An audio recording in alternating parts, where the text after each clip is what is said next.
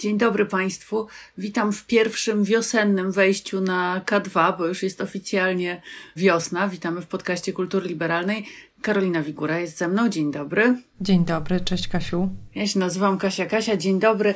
Zapraszamy Państwa na dzisiejszy wspaniały program, w którym porozmawiamy o rzeczach e, ważnych e, i przede wszystkim porozmawiamy o aborcji z autorką znakomitej, ogromnej książki pod tytułem Aborcja jest Katarzyną Wężyk. Ale zanim przejdziemy do tego tematu i do tej rozmowy, to chciałabym przez chwilkę porozmawiać z Karoliną o ostatnich wydarzeniach. I one w tym wielkim tygodniu koncentrują się w dużym stopniu wokół Kościoła. Może nie do końca tak, jakby Kościół chciał, żeby to e, wyglądało. Pierwszą e, wiadomością, od której chciałam zacząć, jest e, sroga kara wymierzona przez Watykan dwóm biskupom, którzy ukrywali pedofilię w polskim kościele, nie reagowali na zgłoszenia. Cierpienie e, dzieci molestowanych przez księży, gwałconych przez księży, krzywdzonych nie robiło na nich wrażenia takiego, żeby jakieś działania przeciwko temu podjąć, tylko prowadzili działania pozorowane, polegające na przenoszeniu oprawców z parafii do parafii ci biskupi, o których dowiedzieliśmy się w ogromnej mierze dzięki e, filmom i ciężkiej pracy braci Sekielskich, to biskup Sławoj Leszek Głódź i Edward Janiak. No i Watykan wymierzył im karę no właśnie, z jednej strony dobrze, że wymierzył, z drugiej strony ta kara polega na tym, że hierarchowie zostali zmuszeni do opuszczenia, czy wezwani do opuszczenia swoich parafii, w których nie mogą, czy swoich archidiecezji, tak to się nazywa, w których nie mogą ani mieszkać, ani sprawować żadnych funkcji, ani uczestniczyć oficjalnie w żadnych kościelnych uroczystościach. Hierarchowie się przeprowadzą, no i powinni jeszcze e, wesprzeć przeciwdziałanie pedofilii, ale tutaj żadnych konkretnych wytycznych też e, nie otrzymali. Nie wiadomo, czy mają przekazać na to całe swoje majątki, niemałe, czy też e, wystarczy, jak załatwią to za pomocą jakiejś symbolicznej kwoty. Co sądzisz, Karolino, o tej sytuacji, o tej karze, o tym, że została wymierzona i o tym, jaka kara została wymierzona? Tak, wiesz, ja kiedy pierwszy raz pojawiła się wiadomość na temat tych kar, to jechałam metrem e, w Warszawie i tam wyświetlają się tylko takie informacje w postaci właściwie tylko takich jednozdaniowe. Zobaczyłam to zdanie, że, że dwóch panów, których wymieniłaś, zostali ukarani i pomyślałam sobie, poczułam się tak, jakbym widziała przyszłość, której się nie spodziewałam. Ale no potem zobaczyłam, na czym polega ta kara i pomyślałam sobie, że to jednak pozostawia wiele do życzenia, dlatego że jeżeli ktoś interesuje się e, skandalami e, związanymi z pedofilią w Kościele katolickim, to wie, że właśnie przesuwanie duchownych z jednego miejsca do drugiego było właściwie od dziesiątek lat takim sposobem na uciszanie dyskusji na ten temat. Więc można, myślę, mieć wiele do życzenia tutaj. I ostatnia rzecz, jeszcze kwestia, pamiętam, że kiedyś e, taki bardzo, bardzo wybitny węgierski liberał Janusz Kisz napisał, że ta transparentność, która wchodzi w nasze życie wraz e, z nowoczesnymi mediami, że ona całkowicie zmieni naszą sferę publiczną. Pamiętam, że wtedy to przeczytałam, pomyślałam sobie, no to taka oczywista oczywistość. Ale teraz, kiedy o tym myślę, to, to, to mam inne wrażenie, bo, bo to jest tak, że dokładnie przed naszymi oczami pokazuje się, widzimy, jak to może działać. Bo przy całej braku satysfakcji z wymiaru tej kary, jednak myślę sobie o tym, że to transparentność doprowadziła do tego, że o tym jest teraz tak głośno, że coraz więcej osób, które są czy to w kościele katolickim duchownymi, czy to są po prostu wśród wierzącego laikatu, że one się domagają tego, żeby, żeby odpowiedzialność została wyciągnięta i to jest moim zdaniem jednak mimo wszystko bardzo pozytywne zjawisko. No tak, można się tylko zastanawiać właśnie nad wymiarem tej kary i nad tym, czy ona przypadkiem sama w sobie nie jest y, demoralizująca, no bo jeżeli czytamy o, zwłaszcza o Sławoju Leszku Głudziu, który zapobiegliwie już w innej archidiecezji wybudował sobie gigantyczną posiadłość, w której największe jednak wrażenie chyba robi stado Danieli, to, no to trudno potraktować tę konieczność wyprowadzenia się tam rzeczywiście jako, mm, jako jakąś srogą ale tym bardziej jak się na drugiej szali położy ogrom cierpienia, z którym Kościół przez dziesięciolecia niczego nie zrobił. I druga sprawa dotycząca e, Kościoła, to jest kwestia, która związana jest bezpośrednio z pandemią. To znaczy, mamy w tej chwili trzecią falę, która jest wyższa niż obie poprzednie. Liczba zachorowań jest przerażająca, e, szpitale nie dają rady, brakuje respiratorów, e, brakuje tlenu, tak jak wczoraj w szpitalu tymczasowym w Poznaniu, z którego trzeba było pacjentów przewozić w błyskawicznym tempie, ewakuować ich do innych e, placówek. I w związku z tym wkroczyliśmy w kolejny lockdown. E, wszystko właściwie zostało zamknięte z jednym wyjątkiem, ważnym wyjątkiem właśnie w tym okresie e, świątecznym, Mianowicie nie zostały zamknięte kościoły. Jedyne pogłębienie obostrzeń polega na tym, że jedna osoba ma przebywać na 20 metrach kwadratowych, ale jak już widzieliśmy w niedzielę palmową, e, no w większości kościołów to się po prostu nie udało, ludzie nie byli odpowiednio liczeni, w kilku liczono, w innych nie. Wszystko spoczęło na e, proboszczach e, miejscowych, którzy, którzy mieli właśnie ten wysiłek wykonać. Dla mnie bardzo ciekawą informacją było to, że e, kościoły niekatolickie, kościoły protestanckie na przykład w Polsce zamknęły się i to już w pierwszej fali lockdownu, chociaż teoretycznie mogłyby korzystać z tych samych przywilejów, z których korzysta Kościół katolicki, ale w imię odpowiedzialności za swoich wiernych przeniosły się do sieci, nabożeństwa są transmitowane, są online i tutaj przełożeni duchowni tych kościołów mówią, że no jednak dobrem najwyższym jest w tym kontekście e, dobro e, wspólnoty, dobro wiernych, zdrowie, życie i to, żeby właśnie nikogo nie narażać i żeby przeciwdziałać w pandemii, właśnie zamykając e, kościoły, uniemożliwiając takie tłumne zgromadzenia. Jak ty na to patrzysz? Jak patrzysz na to, że Kościół tak się zachowuje katolicki, że nie tylko nie zdecydował się sam, tak jak inne kościoły, na to, żeby pozamykać swoje placówki, ale no tutaj bardzo przeciwko temu protestował i udało mu się wywalczyć właśnie to, że one będą w Wielkanoc y, otwarte. Ja z jednej strony patrzę na, na naszych sąsiadów, to znaczy na Niemcy, które starają się zarządzać pandemią w sposób bardzo strategiczny. No i widać, że tam propozycja, żeby wprowadzić taki bardzo, bardzo twardy lockdown, spotkała się z olbrzymim sprzeciwem pani kanclerz Merkel musiała się wycofywać i przepraszać. I to również dotyczy właśnie zamykania e, kościołów. Ostatecznie rzecz biorąc, e, zostało na tym, że, że jest apel o to, żeby nabożeństwa były wirtualne, ale kościoły zamknięte nie są. Więc ja myślę, że to jest ważny kontekst, bo my często w naszym kraju mamy taką tendencję do tego, żeby się zamykać, nie patrzeć, jak jest, jak jest poza naszym krajem.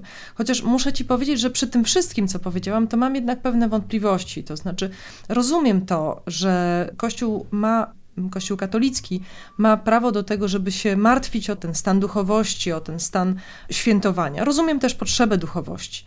Z drugiej jednak strony jesteśmy w takim dziwnym czasie, że może warto jest szukać jakichś innych sposobów wspierania swoich wiernych, tak żeby oni nie czuli się osamotnieni, jeśli na przykład bardzo potrzebują tego kontaktu i tej duchowości, ale z drugiej strony, żeby jednak mniej ryzykować. Ja myślę, że wszyscy, jako organizacje, też my tutaj w organizacji naszej, w kulturze liberalnej, my też poszukujemy jakiegoś sposobu, żeby z jednej strony ludzie mieli kontakt, ale z drugiej strony, żeby pamiętać o tych obostrzeniach sanitarnych i o tych galopujących liczbach i wreszcie o tym personelu medycznym, który przecież w tych straszliwych warunkach codziennie pracuje dla nas. Więc może to jest jakiś rodzaj patriotyzmu. Nie tylko nosić maseczkę, ale także postarać się pomyśleć o tym, w jaki sposób inaczej niż zwykle mogę uczestniczyć w różnych wydarzeniach, tym razem ze względu na tę trzecią falę.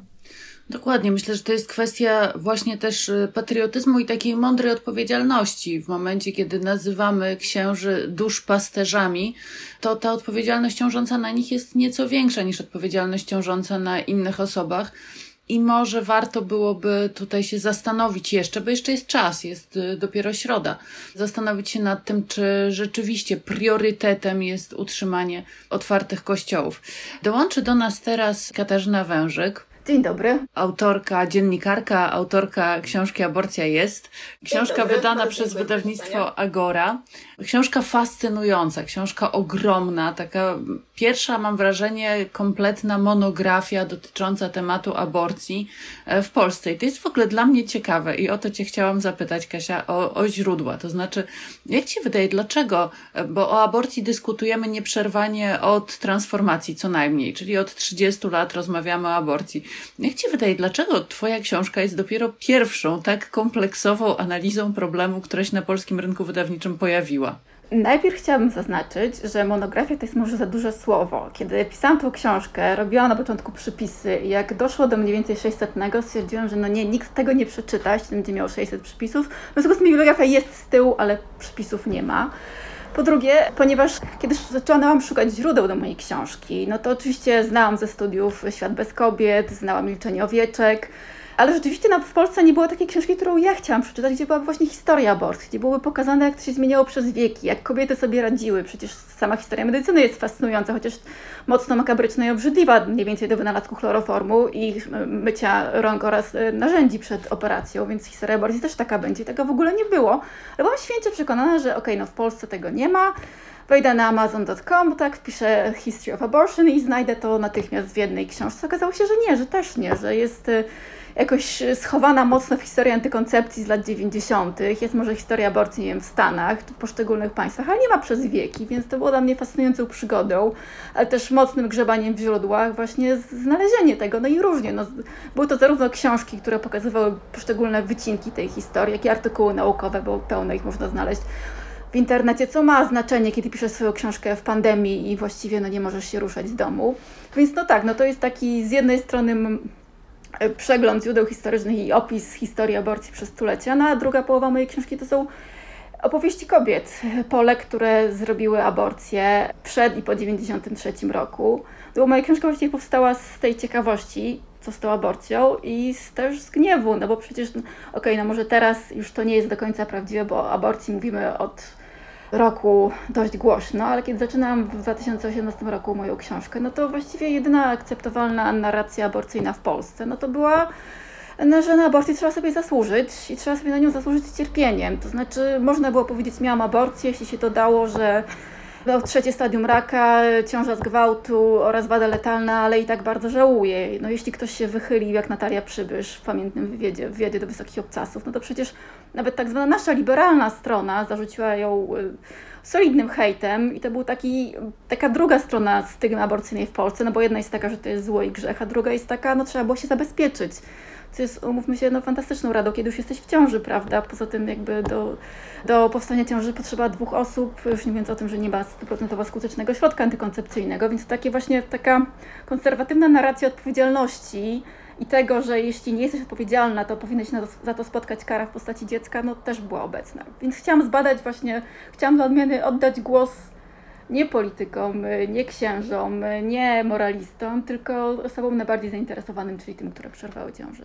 A powiedz, Kasiu, jak ty widzisz taką kwestię, którą ja bym nazwała radykalizacją tematu aborcji w Polsce? To znaczy, że ja pierwszy raz takie miałam wrażenie, kiedy była sprawa profesora Hazana. To znaczy, że podczas gdy w latach 90. wczesnych rozmowa dotyczyła tego, kiedy i czy aborcja jest dopuszczalna, i oczywiście możemy za chwilę poświęcić trochę czasu kwestii tego, czy to był prawdziwy kompromis, czy nie był kompromis i tak dalej. To jest jakby zupełnie inna sprawa. Natomiast z, ze sprawą Hazana zaczyna się właściwie taki moment, kiedy, kiedy sprawa aborcji zaczyna być bardzo zradykalizowana. To znaczy już nie rozmawiamy o tym, że, że są pewne zasady i może należałoby je ustalić, tylko rozmawiamy o tych przypadkach, które dotyczą spraw najbardziej granicznych, najbardziej bolesnych, największych dramatów, które mogą się wiązać z ciążami, e, które oznaczają noszenie bardzo, bardzo chorych dzieci. I teraz jak ty to tłumaczysz? Czy tłumaczysz to wyłącznie kwestiami politycznymi, że to jest w sposób cyniczny wykorzystywane przez polityków? Czy dzieje się coś jeszcze innego, co sprawia, że rozmawiamy właściwie o coraz bardziej radykalnych przypadkach i też coraz bardziej radykalizowane jest w Polsce prawo aborcyjne?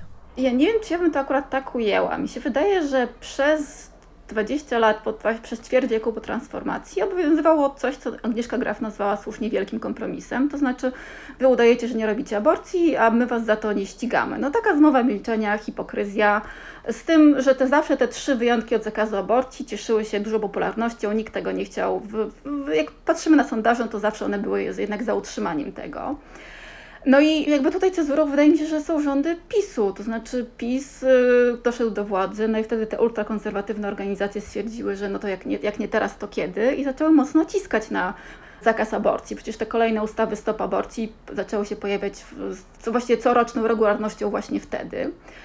A z drugiej strony nasze społeczeństwo się mocno zmieniło od tego 93 roku. Wtedy kobiety mogły zostać zakrzyczane, wtedy te 1 700 podpisów mogło zostać e, wyrzuconych na śmietnik. Wtedy Kościół był niekwestionowany autorytetem moralnym i nikomu nie przeszkadzało pielgrzymowanie kolejnych polityków do prymasa Glempa z, z pytaniem, co prymas myśli o aborcji. Prymas, czyli polski lider organizacji mężczyzn żyjących w celibacie, co umówmy się jest absurdalne, jeśli się temu jeśli na to spojrzeć, tym niemniej no, taka była obowiązująca narracja.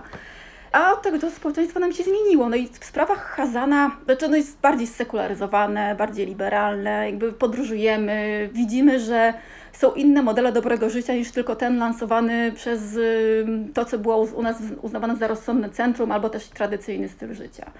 Więc mamy ten 2016 i tak zwane dziecko Hazana, które było moim zdaniem o tyle przełomowe, że wcześniej dzięki fantastycznie skutecznym zabiegom Kościoła i prawicy polska debata aborcyjna koncentrowała się na płodzie. W centrum tej debaty było to dzieciątko poczęte, które trzeba było bronić przed matką, przed fanatycznymi aborcjonistami, przed lobby aborcyjnym. W każdym razie no, ten, ten, ten płód był w samym jego centrum. A wtedy po raz pierwszy w centrum pojawiła się kobieta, która opowiedziała, jak to wygląda ze strony kobiety, która opowiedziała, na co jej ten lekarz skazał, jaką było torturą dla niej zmuszenie do urodzenia dziecka bez połowy czaszki i patrzenie przez 10 dni, jak to dziecko, któremu mózg gnił, umiera. I wtedy chyba po raz pierwszy na taką skalę poczuliśmy empatię do, do, do kobiet, tak? Znaczy zobaczyliśmy, jak to wygląda z tamtej strony. No i to było coś, co jakby pierwszy, moim zdaniem, to taki pierwsza rysa w tej tamie, no bo zauważcie protesty 2016 roku. Ja je sobie przeanalizowałam, jak o tym media pisały. No i tam rzeczywiście dużo zaczęliśmy rozmawiać z aktywistkami. I te aktywistki w większości mówiły, ja jestem za utrzymaniem kompromisu. Że tutaj bronimy kompromisu.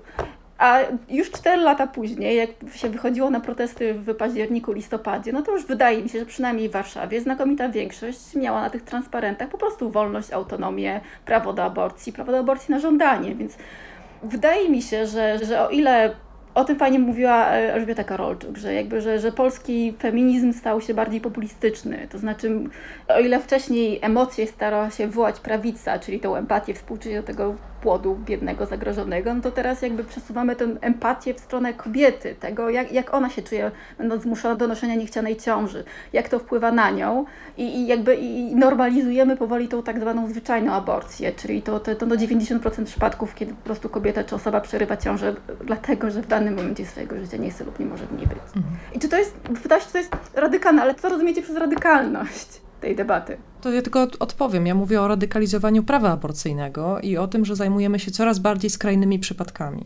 To nazywam radykalizacją, ale już oddaję głos Kasi. Właśnie, bo e, to pytanie o, o radykalność tak naprawdę moim zdaniem jest pytaniem o polski konserwatyzm i o jakąś taką bardzo szczególną odmianę biowładzy, z którą mamy w Polsce do czynienia. Bo od, właściwie od samego początku, kiedy ta debata o aborcji po raz pierwszy zakończona w 1993 roku przyjęciem ustawy o planowaniu rodziny i warunkach dopuszczalności przerywania ciąży, tam ochrony płodu ludzkiego i tak dalej, zanim ta ustawa została przyjęta, no to przetoczyła się pierwsza dyskusja, ale już wtedy pojawiały się takie głosy, że to jest temat zastępczy. I aborcja właściwie od 30 lat jest tematem zastępczym. I to jest dla mnie niezwykle wkurzające, że zamiast raz wreszcie powiedzieć, aborcja jest tematem numer jeden. I to jest, mam wrażenie, ogromny zysk tego, co się wydarzyło w 2020 roku, po tym 22 e, października że wreszcie powiedziano nie. Aborcja jest, tak jak w tytule Twojej książki, aborcja jest tematem numer jeden. Ona nie jest tematem zastępczym. Ona jest tematem podstawowym, ponieważ ona w ogromny sposób reguluje nasze życie społeczne. I nie będzie w Polsce państwa, które będzie równe prawa miało dla kobiet i dla mężczyzn, dopóki nie będziemy mieć wolnego dostępu do aborcji, która będzie wykonywana w warunkach godnych. I to jest tak naprawdę moje pytanie, Kasia. To znaczy, gdzie ta aborcja tak naprawdę jest e, w dyskursie politycznym? Czy widzisz jakieś, jakąś tutaj zmianę, która się dokonała? Czy wydaje ci się, że mamy już taki potencjał w tej chwili, że możemy z niej uczynić naprawdę temat pierwszoplanowy i wytłumaczyć, że ona nie jest jakąś fanaberią, tylko jest prawem człowieka. Dlatego też zareagowałam na pytanie radykalizm, no bo przecież przez 30 e, lat to rozsądne centrum było definiowane przez ten tak zwany kompromis, więc wszystko, co było na lewo, łącznie z europejskimi standardami prawa reprodukcyjnego, czyli aborcja na żądanie 12 tygodnia, było, wiecie, uznawane za radykalizm, równy radykalizmowi karania za aborcję wszystkich zainteresowanych dożywociem. A teraz wydaje mi się, teraz jesteśmy w bardzo ciekawym momencie, bo moim zdaniem toczy się wojna o to, co będzie rozsądnym centrum.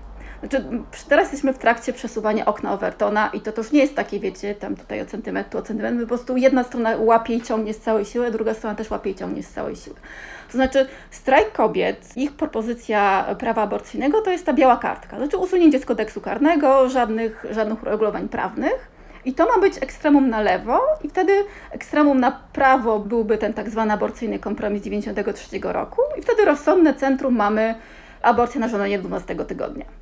Co już Platforma Obywatelska, która zresztą broniła jak niepodległości tego nieszczęsnego kompromisu, już sama stwierdziła, to nasze rozsądne centrum Platforma już zdążyła zaproponować, że jeśli dojdzie do władzy, no to e, proponujemy tu taką właśnie ustawę, która pozwoli na to, że aborcję na żądanie 12 tygodnia, pod warunkiem, że ta kobieta pójdzie i, i przyklepie tą decyzję psycholog oraz lekarz, no bo wiadomo, że kobieta sama nie może o tym zdecydować, jednak jakiś autorytet musi wesprzeć ją z, e, swoją mądrością, najlepiej, najlepiej jednak męski. No więc druga strona, ten kompromis przesuwa to rozsądne centrum, chce ustalić w innym miejscu. To znaczy, y, jakby tu znowu punktem odniesienia tylko od lewej byłaby ustawa z 1993 roku. Skrajnością na prawo byłaby ostatnia propozycja organizacji Fundacji PRO, czyli to totalnie skrajna, witamy w Salwadorze, tak, yy, przyznanie statusu człowieka tudzież dziecka zapłodnionej komórce jajowej i karanie za aborcję, tak jak za, za morderstwo, czyli no właściwie do dożywocia, tak właściwie wszystkich, no i ta ustawa, oni się z tym niespecjalnie nie kryją, to jest odpowiedź na działalność aborcyjnego Dream Teamu i właśnie omówienie wprost o aborcji.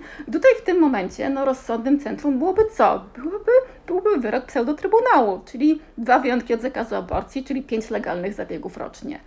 No i wydaje mi się, że, że przez najbliższe dwa lata, no bo chyba, że się PiS rozpadnie i zostaną rozpisane wybory i wygra i opozycja, to to wszystko oczywiście też nie jest dane, nie? Że, że przez najbliższe dwa lata będzie chyba taka walka trochę o rząd dusz, o to, co społeczeństwo uzna za to rozsądne centrum, ale wydaje mi się, że czy no nie wiem, może jestem zbytnio optymistką, ale jednak wydaje mi się, że propozycja Ordo Juris będzie zbyt ekstremalna dla, dla wszystkich poza, no, nie wiem, no 5-10%, które już teraz akceptuje usunięcie tego trzeciego wyjątku zakazu aborcji. Bo to jest po prostu ekstremum. No. Tylko adwocem tutaj powiem, że wczoraj przecież Sejm e, odesłał do prac w komisjach e, projekt ustawy tak dla rodziny, nie dla gender, która całkowicie zakazuje aborcji de facto. To, to jest bardzo sprytne, no bo ta ustawa Stop Aborcji ma w tytule Stop Aborcji i to jest takie in your face, ale są też dwie ustawy, które to samo robią, tylko wiecie, tak okrążną drogą. To jest właśnie ta to o czym wspomniałaś, w której to, ta ustawa ma trzy przepisy, tak? I najbardziej niebezpieczny jest ten drugi, który mówi o tym, że powstanie własna konwencja praw rodziny, no i w tejże konwencji praw rodziny jest taki kuriozalny zapis o tym, że nie można dyskryminować dzieci ze względu na cenzus urodzenia, czyli innymi słowy przyznajemy tak, to, więc jeśli dzieckiem, człowiekiem jest zapłodniona komórka jajowa, to mamy też automatycznie zakaz aborcji. A drugą też ustawą ograniczającą prawa reprodukcyjne jest e, ustawa ziobrystów, e, nowelizacja ustawy za życiem, która ma w teorii ma e, jakby zapewnić lepszą opiekę hospicyjną kobiecie, która jest w ciąży z wadą letalną, ale w praktyce to, to, to jest taki jakby rejestr tychże ciąż, no bo od razu zostaje ona wpisana w system szpitalny, jest od razu jakaś się komisja zbiera, od razu o tej ciąży wie nie tylko lekarz prowadzący, ale po prostu wszyscy dookoła, więc jeśli pojedzie się przerwać za granicę, no to jak wrócisz, to będziesz musiała się tłumaczyć, e, ile za przerwanie własnej ciąży wciąż nie jesteśmy karane, to zawsze można ukarać partnera, który cię tam zawiózł, albo e, koleżankę, która ci pożyczyła pieniądze. Ja się tak zastanawiam, bo bardzo dobrze moim zdaniem przedstawiłaś te, to, to, w jaki sposób to okno Overtona jest przesuwane, albo wręcz powiedziałabym, że to jest bitwa o okno Overtona i przedstawiałaś obie strony. Ja bardzo świadomie właśnie mówię o radykalizowaniu prawa aborcyjnego albo antyaborcyjnego, dlatego że ja uważam, że te, te, tę całą dyskusję w Polsce warto byłoby inaczej ponazywać, to znaczy, żeby właśnie nie mówić o tym, że to jest pro-choice i pro-life, dlatego że, że w istocie dyskusja, tak postawiona dyskusja od razu nazywa osoby, które są za wolnym wyborem, że one nie są za życiem, a przecież w istocie nikt, przypuszczam, znaczy wiele osób bardzo słyszałam i, i, i nikt przypuszczam, nie powiedziałby, że chciałby, żeby było wykonywanych jak najwięcej aborcji. Przecież właśnie wręcz przeciwnie. I są różne sposoby, żeby było ich mniej, ale to nie znaczy właśnie zakazywania. Natomiast chciałam Cię zapytać jeszcze właśnie o, o tę kwestię tych dwóch zwaśnionych plemion w Polsce, o tym, o czym trochę mówiłaś. To znaczy, że, że z jednej strony mamy to, o czym Ty mówisz, i uważam, że to bardzo ważne, że to rekonstruujesz, to znaczy kwestia takiego rodzającej się empatii dla kobiet, dla ich przeżyć. Z drugiej strony mam wrażenie, że jest ta empatia dla dzieci, których ewentualnie aborcja może dotyczyć. I mówię wyraźnie dzieci, ponieważ te osoby, które będą broniły bardziej ostrych zapisów e, antyaborcyjnych, będą właśnie posługiwały się tym językiem. Pomijając cyniczną grę polityczną, pomijając właśnie to, o czym mówiła Katarzyna Kasia, to znaczy, że to często jest używane jako temat zastępczy, choć to temat zastępczy nie jest. Jak ty widzisz możliwość porozumienia na tym poziomie obywatelskim pomiędzy różnymi przecież ludźmi, którzy bardzo różnie o tym myślą? Ech, w kwestii aborcji jakby nie widzę momentu kumbaya, kiedy wszyscy chwycimy się za ręce i zgodzimy co do tego, no bo to jest i zawsze będzie kontrowersyjny temat, dlatego że on dotyka nie tylko kwestii zabiegu medycznego, ale też kwestii polityki, kultury, ról kobiet i mężczyzn, religii, seksualności, medycyny. Jest tu dużo interesów yy, sprzecznych i dużo ideologii.